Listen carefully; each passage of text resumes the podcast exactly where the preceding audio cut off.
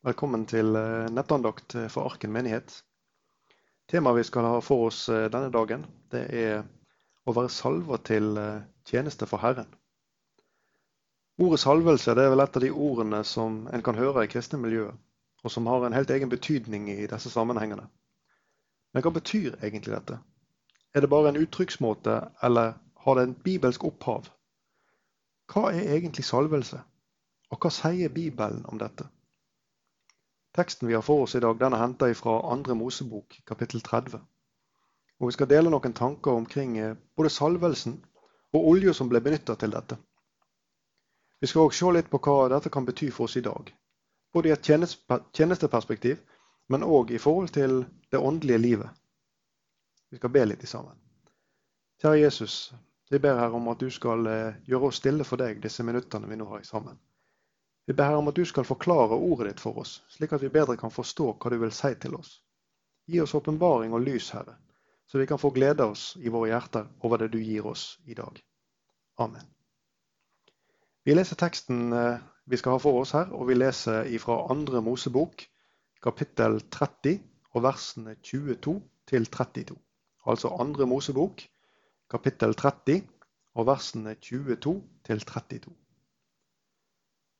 Og Herren talte til Moses og sa, Ta krydder av fineste slag, av den edleste myrra, 500 sekel, og av krydderkanel halvparten så mye, 250 sekel, og av krydderkalmus 250 sekel, og av kassia 500 sekel etter helligdommens vekt, og en hin olivenolje. Av det skal du lage en hellig salvingsolje, en kryddersalve, slik som det gjøres av dem som lager salve. Det skal være en hellig salvingsolje. Med den skal du salve sammenkomstens telt og vitnesbyrdets ark, og bordet med alt som hører til det, og lysestaken med alt som hører til den, og røkofferalteret, og brennofferalteret med alt som hører til, og karet med sitt fotstykke. Og du skal hellige dem, så de blir høyhellige. Hver den som rører ved dem, skal være hellig. Du skal salve Aron og hans sønner, og du skal hellige dem til å tjene meg som prester. Og du skal tale til Israels barn og si, dette skal være min hellige salvingsolje for dere. Slekt etter slekt. Den må ikke komme på noe annet menneske legeme. Og dere skal ikke lage noen annen olje som er blandet på denne måten. Hellig er den. Hellig skal den være for dere. I gammeltestamentlig tid så leser vi om hvordan konger og profeter, men òg hellige redskaper, blir salva til tjeneste. Og det fins en rekke sånne hendelser som vi kan lese om i Bibelen, og vi skal se på noen eksempler. De to første kongene i Israels historie, Samuel og, nei, unnskyld, Saul og, og, David, leser vi om her. Når profeten Samuel han salver Saul som konge over Israel, som er Guds utvalgte folk, vi leser i 1. Samuel eh, kapittel 10 og vers 1. Og Samuel tok en oljekrukke og helte den ut over hodet hans. Han kysset ham og sa, Nå har Herren salvet deg til fyrste over sin arv. Profeten Samuel salver òg David som konge ved Israel, etter at Herren har forkasta Saul som konge pga. Sauls ulydighet imot Herren. Og Vi leser i 1. Samuels bok, kapittel 16 vers 13. Da tok Samuel oljehornet og salvet ham midt iblant brødrene hans. Og Herrens ånd kom over David denne dagen og siden. Når det gjelder prester, så gir Gud Moses denne befalingen. Og vi leser om at Moses han salver Aron og sønnene hans til prester. I 2. Mosebok kapittel 30 og vers 30 så leste vi Du skal salve Aron og hans sønner, og du skal hellige dem til å tjene meg som prester. Så leste vi også om salving av redskaper. Vi finner at eh, redskapene som skulle brukes i tabernaklet, ja, de ble salva. Det er egentlig et tema å studere helt separat.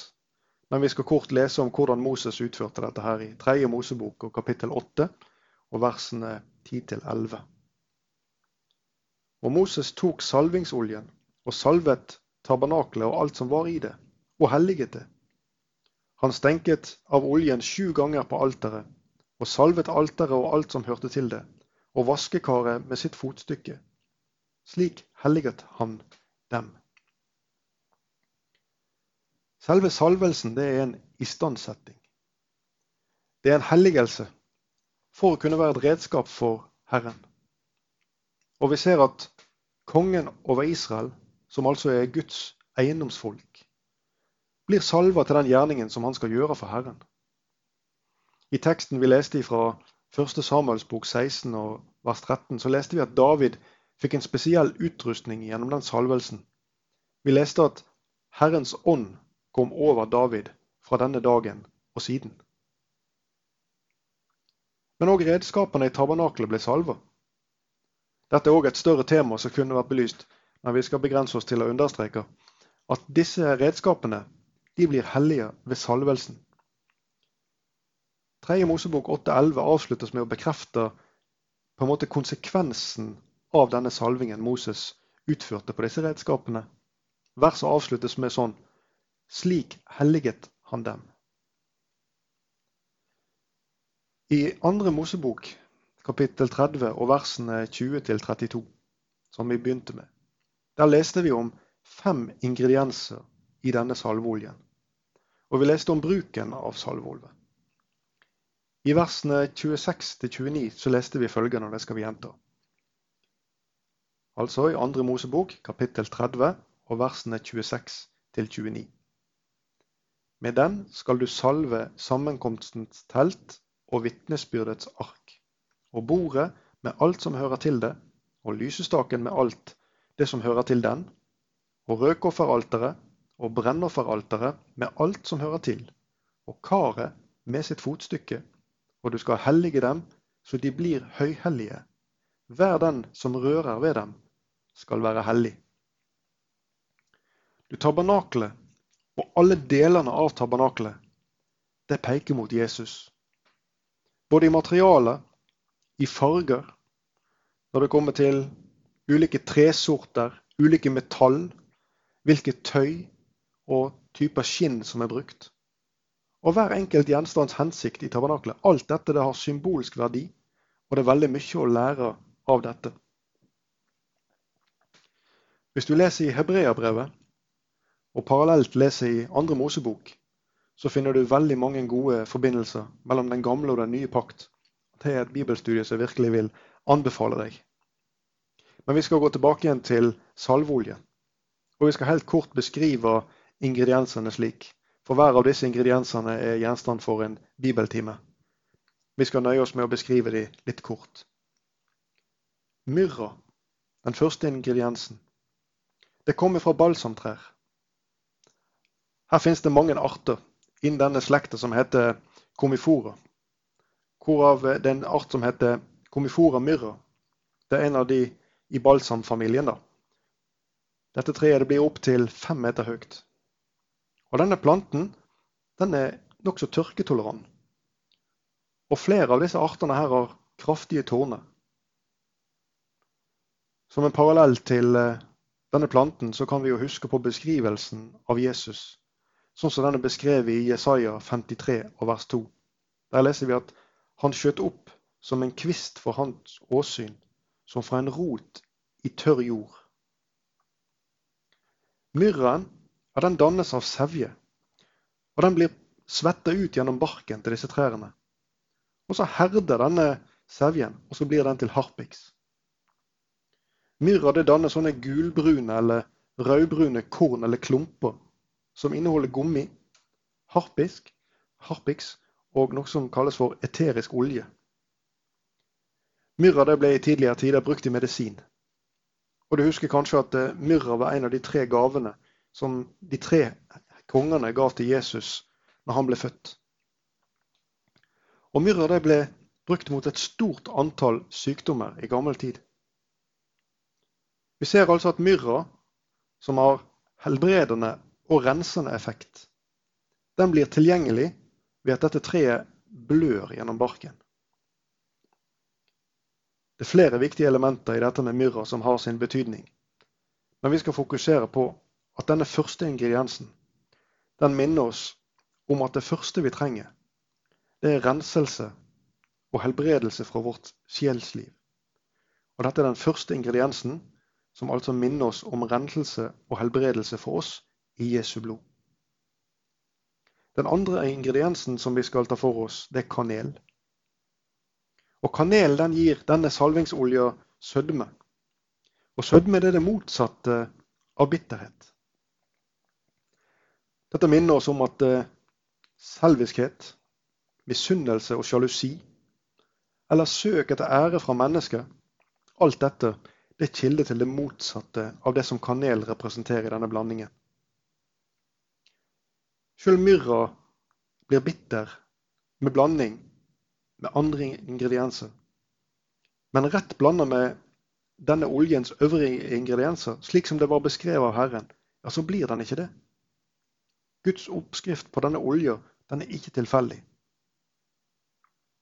I nytestamentlig tid så kan vi lese om disiplene og en mann som begynte å vandre sammen med dem, som heter Simon. Han var trollmann. Og Han ba om å få kjøpe den gaven som han så at disiplene hadde. At når de la sine hender på mennesket, så fikk disse menneskene Den hellige ånd. Peter han svarer Simon at dette ikke kan kjøpes for penger. Og Han ser at Simon han har helt andre hensikter bak sitt ønske. Og Dette gir Peter nokså krast uttrykk for når han svarer Simon.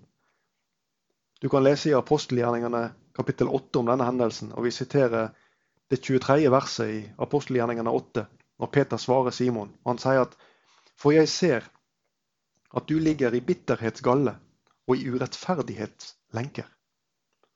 Du, I denne tilstand så er det ikke mulig å være til verken behag eller utføre en åndsfull tjeneste i Jesu kraft. Og vi trenger å minnes om det. For daglig så møter du og jeg fristelser som appellerer til vårt ego. Og så glemmer vi lett at det er Herren Gud som skal ha all ære. Den tredje ingrediensen som eh, var i denne oljen, det er krydderkalmus. Og dette er en orientalsk plante.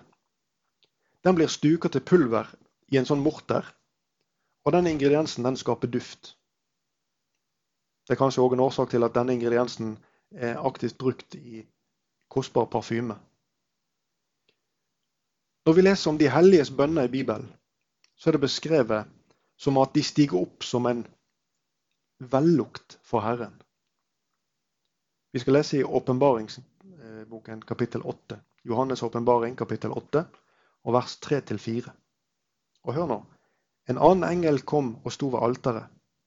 Han hadde et røkelseskar av gull, og det ble gitt ham en stor mengde røkelse for at han skulle legge den, opp, den til de helliges bønner på gullalteret foran tronen. Og røken av røkelsen steg fra engels hånd opp for Gud sammen med de helliges bønner. Hvis vi hadde lest i Åpenbaringen kapittel 5 og vers 8, så omtales det her skåle med røkelse og de omtales som de helliges bønner. Og Som en parallell til dette så kan vi jo lese om eh, røkelsen, hvordan den blir brukt i tabernakelet. I andre Mosebok eh, kapittel 30 og vers 7-8 så står det beskrevet at denne røkelsen som skulle brennes om morgenen og om kvelden, det var et bilde på en stadig tilbedelse. I Salme 141 vers 2 så står det følgende La min bønn gjelde som røkoffer for ditt åsyn. Krydderkalmus det representerer altså tilbedelse, som gir en vellukt for Herren. Den ingrediens som blir til gjennom et helliggjort liv. Tenk på det. Lovprisning ja, det kommer fra et hjerte som flyter over. Og det er jo Herren sjøl som legger lovsangen i vår munn. Vi leser om det i Salme 40 vers 4. Der står det sånn Han la i min munn en ny sang, en lovsang for vår Gud. Mange skal se det og frykte og sette sin lit til Herren.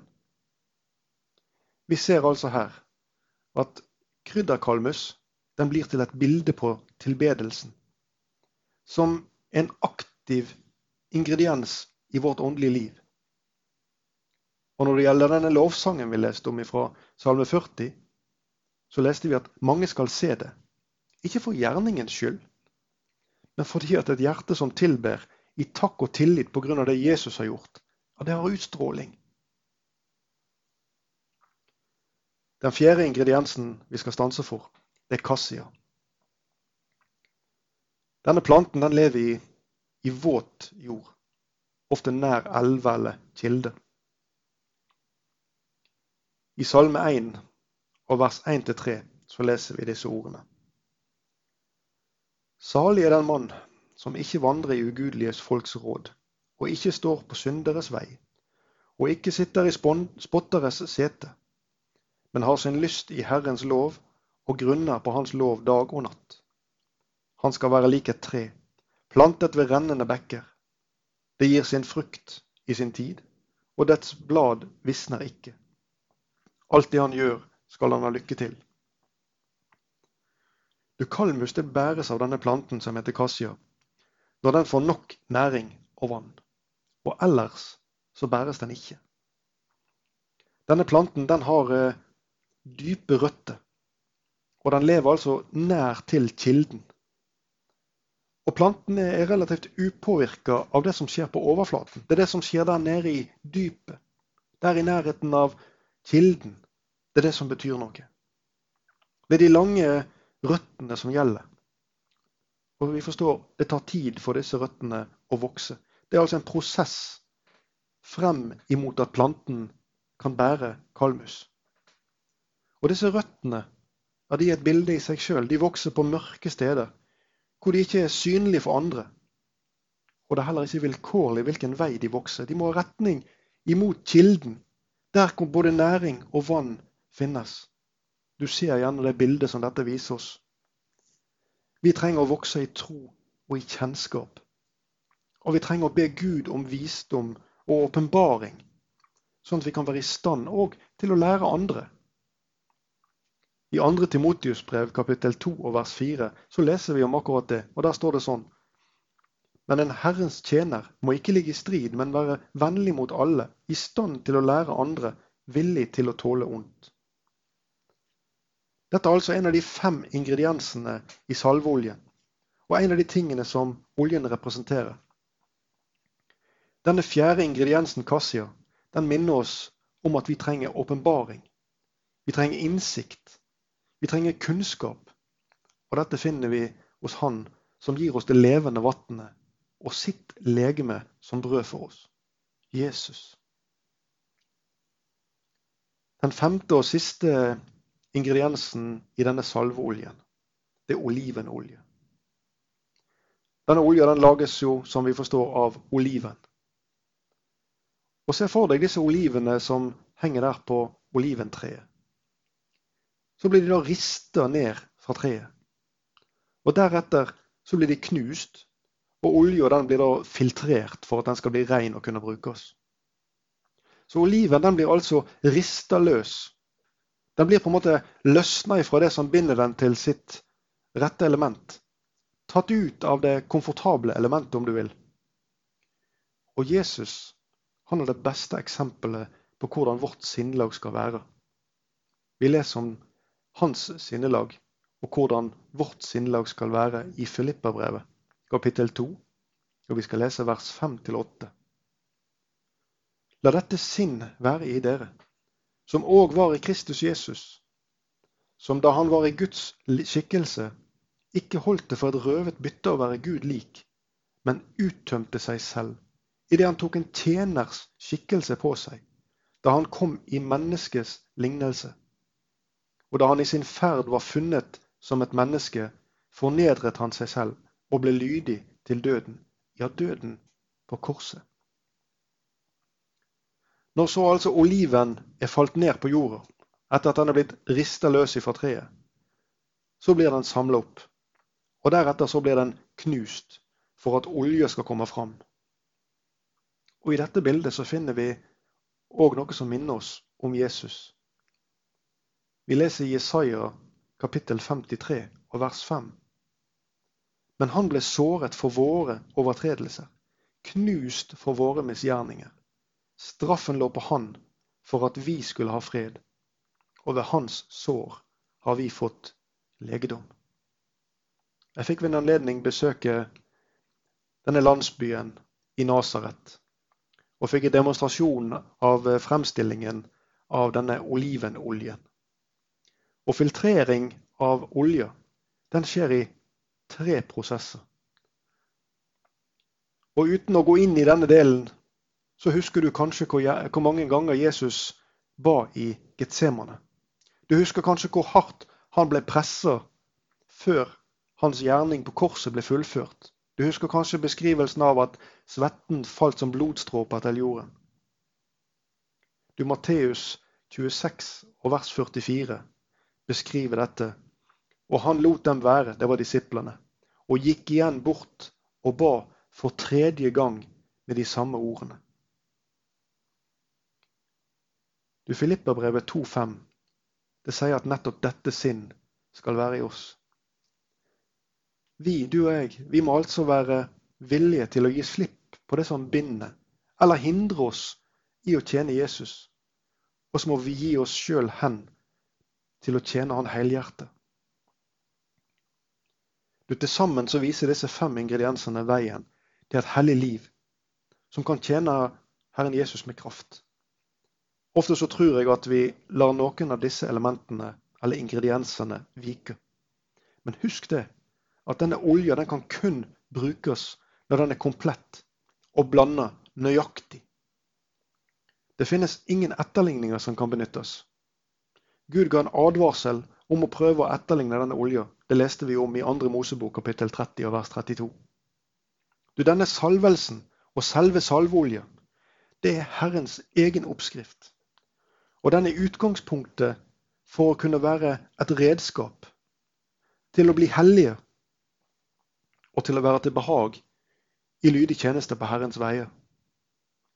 Sånn var det i gammel tid, hvor konger og prester og profeter, ja, og redskapene ble hellige ved salvelse. Og sånn er det fremdeles.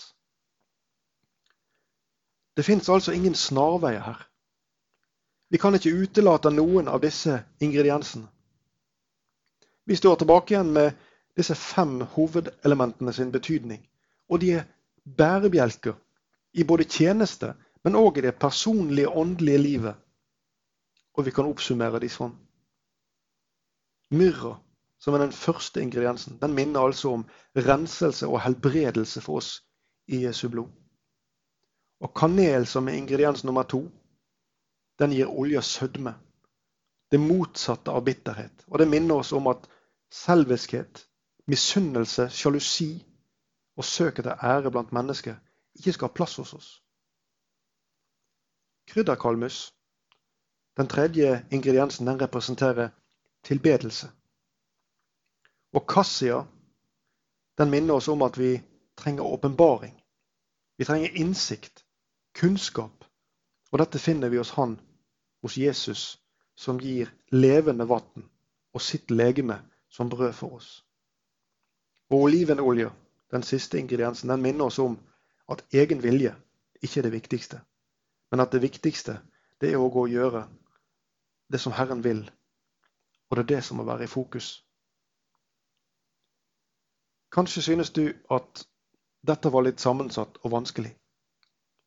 Men jeg håper likevel at du sitter tilbake igjen med en forståelse av at Jesus han har gjennom de ordene vi har lest her, så har han gitt deg en oppskrift på et sunt og friskt åndelig liv. Og ut av et sunt og friskt åndelig liv, ja, så springer tjenesten for Jesus fram. Du, Mot avslutningen så skal vi ta med Bibelens egen beskrivelse av konsekvensen av et levende liv med Jesus. Et liv som fylles av å drikke av hans egen brønn, som er Bibelen.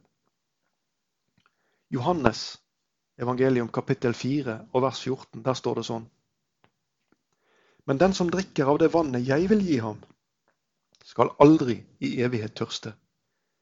Men det vannet jeg vil gi ham, blir i ham en kilde med vann som veller fram til evig liv. Kanskje opplever du at en eller flere av ingrediensene i salvelsen mangler. Eller at livet med Jesus kanskje ikke lenger er sånn som det en gang var. Og hvis du kjenner på dette, altså har jeg løsningen klar for deg som lytter på disse ordene. kall på Jesus. For Jesus, han vil gjenopprette det som er gått i stykker i ditt åndelige liv. Jesus er ikke opptatt av din fortid, og han er heller ikke opptatt av de mange årsakene som brakte deg på avstand ifra han. Men han vil gjerne få opplive din sjel på nytt. Jesus vil på nytt løfte salvehornet, og han vil utruste deg og gi deg levende vann å drikke. Vi skal be. Herre Jesus, takk for disse ordene som du har gitt oss. Hjelp oss å forstå, Herre. Hjelp oss til å forstå nødvendigheten av å leve i din nærhet, Jesus. Hjelp oss å drikke det vannet som du vil gi oss, Herre, ifra din brønn. Hjelp oss, Herre, å ikke bli oppslukt av alt annet. Men la det åndelige livet, Herre, livet sammen med deg, få prioritet hos oss, Herre. Hjelp og hjelp oss til å forstå at den rikdommen som finnes her i tiden, Herre, den er ikke varig. Men hjelp oss du, Herre, etter ditt eget ord, å samle skatter i himmelen. Amen.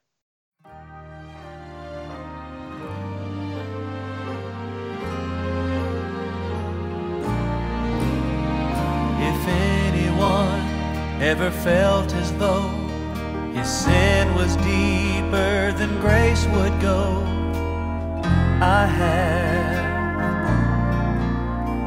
If anyone ever thought his prayer was a waste of time, cause no one cares, I have. If anyone believes that he's gone too far, then my friend, I've been right where you are. You're not alone. No, you're not alone. I have good news to share. What you're feeling now is far from true. So keep hanging on.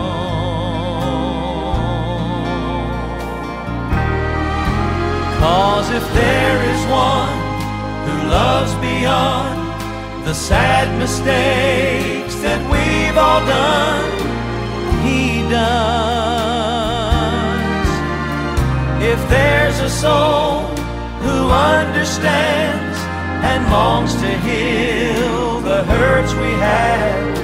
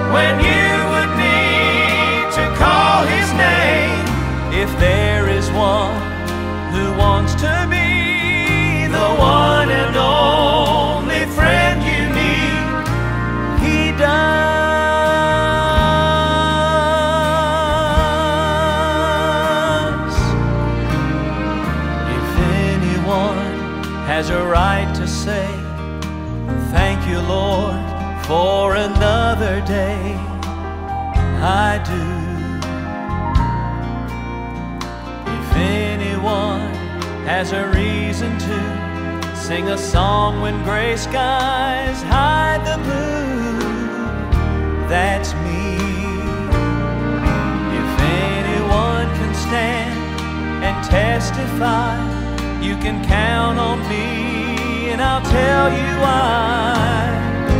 He set me free. Oh, he set me free. When the guilt and shame from my own sin sought to rob me of the joy he gives, he reminded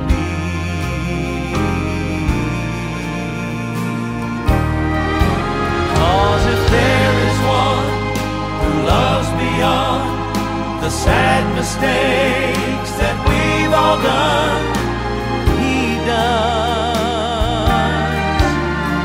If there's a soul who understands and longs to heal